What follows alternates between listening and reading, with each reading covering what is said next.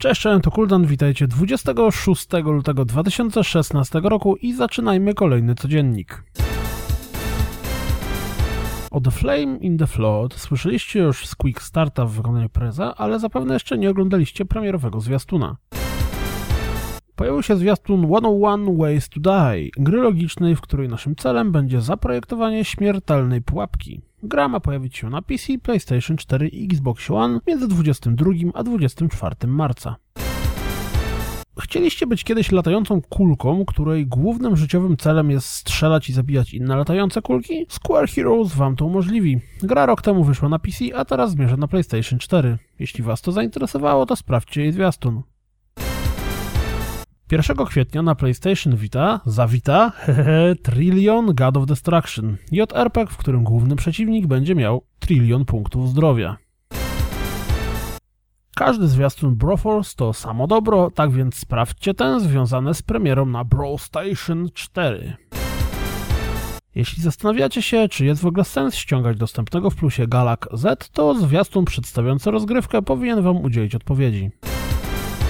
Jeśli jesteście fanami przygodówek, to na pewno kojarzycie serię Deponia. Już 1 marca będziemy mogli na PC zagrać w kolejną część o podtytule Doomsday. Co ciekawe, na końcu zwiastuna możemy dostrzec logo PlayStation 4 i Xbox One, więc najprawdopodobniej później gra pojawi się również na konsolach. Capcom zaprezentował zwiastun, w którym przedstawił najbliższą przyszłość serii Resident Evil. Liczycie na siódmą część? Niestety muszę was rozczarować. Zamiast tego dostaniecie zremasterowane wersje szóstki, piątki i czwórki. Resident Evil 6 pojawi się już 29 marca, Resident Evil 5 latem, a Resident Evil 4 jesienią. Każda za odpowiednik 20 dolców, czyli pewnie jakieś 90 zł. Swoją drogą ciekawostka, wiecie, że będzie to już dziesiąta wersja Resident Evil 4? Teee... Kolejny dzień, kolejny zwiastun The Division, tym razem reklamujący książkę związaną z grą. Dex, czyli cyberpunkowy dwuwymiarowy RPG platformer od maja dostępny na PC, zmierza również na PlayStation 4, PlayStation Vita, Wii U i Xbox One w edycji Enhanced. Jakiś czas temu pisałem o Necropolis, Souls-like Dungeon Crawlerze.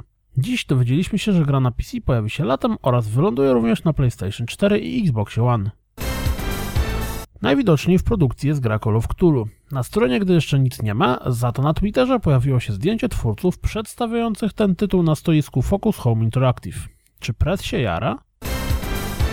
EA Polska zaprezentowało filmik z akcji Origin dostarcza związanej z Plants vs. Zombies Garden Warfare 2. Czy widzicie tam kogoś znajomego?